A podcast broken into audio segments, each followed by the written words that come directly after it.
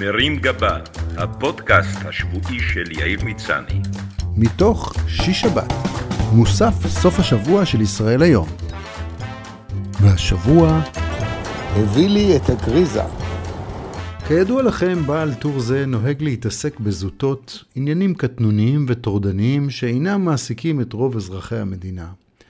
הייתי שמח כמובן לעסוק בעניינים חשובים יותר, אבל כמו שאמרה רחל, צר עולמי כעולם נמלה, ובניגוד לנמלה, אני גם לא מאוד חרוץ, כך שאין לי הבנה או יכולת לתרום לדיון בעניינים שברומו של עולם. לעומת זאת, יש לי התמחות באיזוטריה שבצידו של עולם. גם זאת עבודה חשובה שמישהו צריך לעשות. השבוע לא אחרוג ממנהגי ואנסה להאיר נושא שהוא לכאורה נטול חשיבות, אבל יש לו תרומה אדירה לאיכות החיים של כולנו. מדובר במערכות הכריזה שתוקפות אותנו במרחב הציבורי בלי שתהיה לנו שום שליטה על עוצמתן ועל התכנים שמושמעים בהן. ראשית, המיקרופון הוא כלי רב כוח שמאפשר להעביר מסרים לקהל גדול. אלא שלא תמיד מי שמדבר או שר למיקרופון מבין את עוצמת הכלי שבידיו, את הדקויות שהוא דורש ואת רמת אי הנעימות שיכולה להיגרם לשומעים אם הוא מכוון חזק מדי, אם הדובר מדבר קרוב מדי, או אם איכות מערכת השמע ירודה.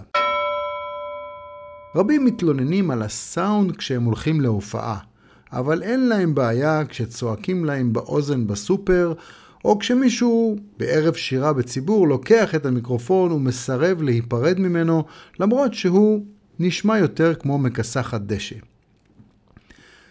ייתכן שהכשלים והרמה הירודה בענף הכריזה נובעים מכך שמדובר בתחום פרוץ, שבו המפעילים לא נזקקים לשום הכשרה, וכל אחד יכול להפעיל את כלי המשחית העוצמתי הזה ללא שום הגבלה. אם כדי להפעיל שופל או להסיע סמי טריילר צריך לעבור מבחנים, וכדי להחזיק רובה צריך רישיון נשק, אין סיבה שמי שמתפעל מערכת כריזה לא יחויב ברישיון מיקרופון. אחרי שיעבור שיעורים אצל מורה להגברה וטסט מעשי אצל מורה לפיתוח קול. הסופר הוא אתר בסיסי ועממי שבו כולנו מבקרים ללא הבדל דת, גזע ועגלה. הזכות לדבר במיקרופון שמורה בדרך כלל לאחראי או אחראית קופה ראשית, מי שתפקידם הבכיר מקנה להם את הסמכות לפרוט לך שקלים לעגלה. ייתכן שמדובר באנשים שעברו קורס מדוקדק שבו למדו איך להמיר כל סכום שהוא למטבע של חמישה שקלים, אבל הם לא עברו כנראה שום הכשרה בנושא דיבור במיקרופון. לרוב אין לדובר קול רדיופוני, הדיקציה שלו לא להיט, וכדי לבדוק אם המערכת עובדת, הוא מתחיל כל הודעה בפו פו פו, כאילו הוא מכבה נר ביום הולדת. בדרך כלל זה נשמע חזק מדי, פולשני וצורם באוזן, ובאופן כללי עושה חשק ללכת למחלקת הירקות ולדחוף גזר גמדי באוזן. נוסף על כך, הטקסטים נוטים להיות בנאליים ולא יצירתיים. עובד ניקיון לקופה 6. ואם כבר אתם מתעקשים לשתף את כולנו במידע שמשהו התפקשש ליד קופה 6, לפחות תעשו את זה יותר ג'וסי ותפרטו מה נשפך ובאשמת מי. עובד ניקיון לקופה 6, מישהי שברה תבנית ביצים כשניסתה להבריח אותה בשמלה.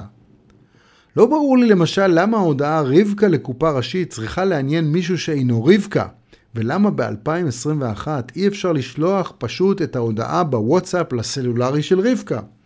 אם לא נעצור את זה כאן, נשמע בקרוב הודעות בנוסח משה, איפה אוכלים צהריים? מי נגע לי בחומוס במקרר עובדים? או שמעתם שרבקה יוצאת עם הספק של נקניקי זוגלובק? אני מציע שהשימוש בכריזה יוגבל להודעות על מוצרים, מבצעים והנחות של 50% על כל סוגי הקבנוס. במחשבה שנייה אולי הגיע הזמן שגם מידע כזה יעבור מהכריזה לוואטסאפ. לקוחות צמחוניים ממש לא שמחים לשמוע שהגיעו צלעות כבש לאטליז ולאנשים בדיאטה שקונים פרחיות לא יעזור העדכון על מבצע סוף יום בקונדיטוריה. מקום נוסף שבו מערכת הכריזה עובדת שעות נוספות הוא שדה התעופה. בכל כמה שניות מודיעים לנו על טיסה שיוצאת. גם בעברית וגם באנגלית. ומכיוון שברור שכולנו עסוקים בהשוואות מחירי בשמים וחישובי המרת מחירים מדולרים לשקלים, דואגים לחזור על כל הודעה כמה פעמים עד שהמוח נהיה אדיש ולא קולט כלום.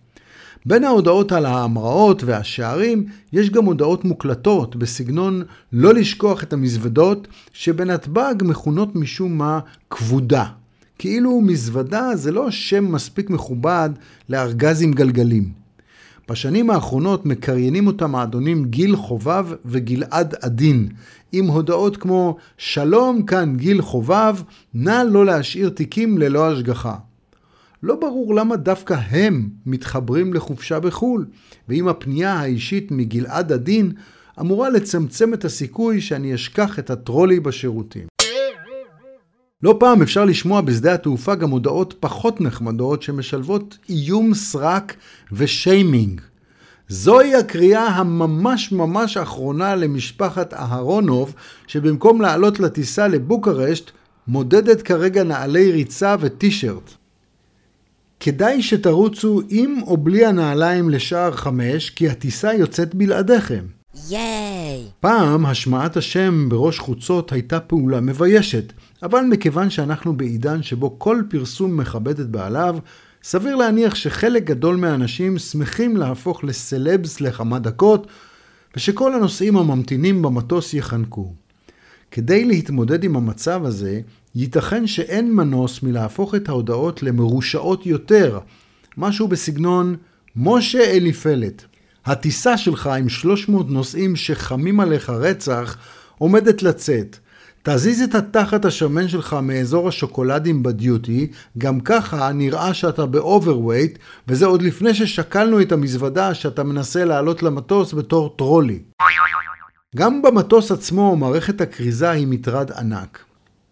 ההודעות על מוצרים פטורים ממכס מגיעות תמיד בווליום מוגזם אחרי פו פו פו כמו בסופר, ובדיוק דקה אחרי שהצלחת להירדם.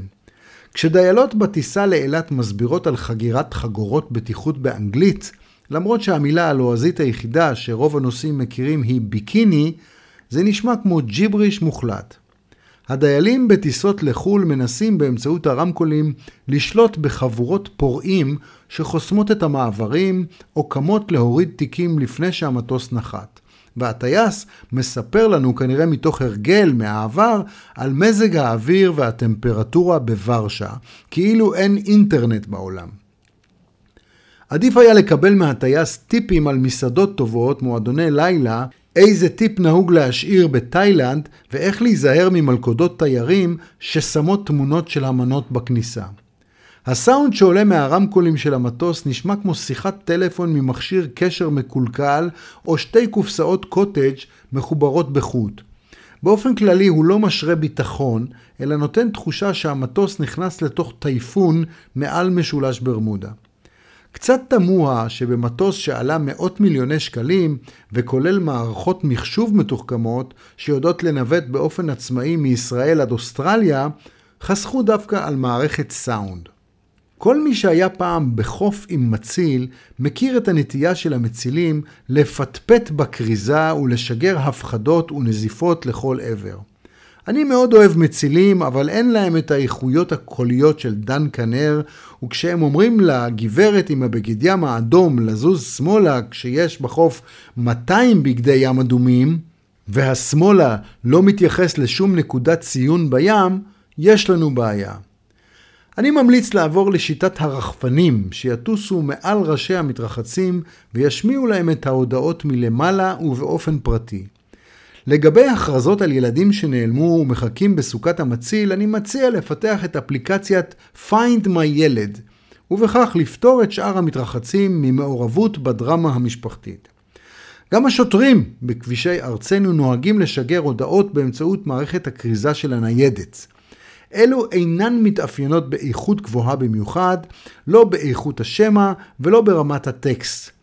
בדרך כלל, למרות ששמך יוסי או רותי, מבחינתם אתה סוברו לבנה, עצור בצד. בלי בבקשה, בלי אדוני, ובלי התחשבות בכך שלא בנו אותך במפעל ביפן ושאין לך וישרים. מכיוון שיש בארץ הרבה סובארו וקאיה לבנה, אני מציע לשוטרים לעבור לעלבונות יותר ספציפיים כמו המזדה הטרנטה החומה שהייתה לבנה לפני שהתמלאה בחרא של ציפורים על הגג, תעמוד בצד. בבתי החולים אין כריזה, אבל במעליות יש הכרזה על המחלקות שאתה מגיע אליהן.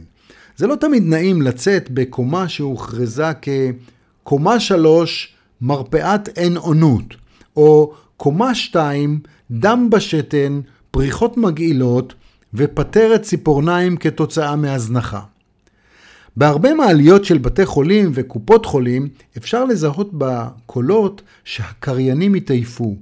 קולם איטי ולאה, כאילו הם עצמם לא משתמשים במעלית, אלא עולים במדרגות, ובדרך כלל אין להם חשק להודיע מה יש בכל קומה. אני רק מופתע שעוד לא דחפו לנו שם פרסומות. מרים גבה, הפודקאסט השבועי של יאיר מצני. מתוך שיש שבת, מוסף סוף השבוע של ישראל היום.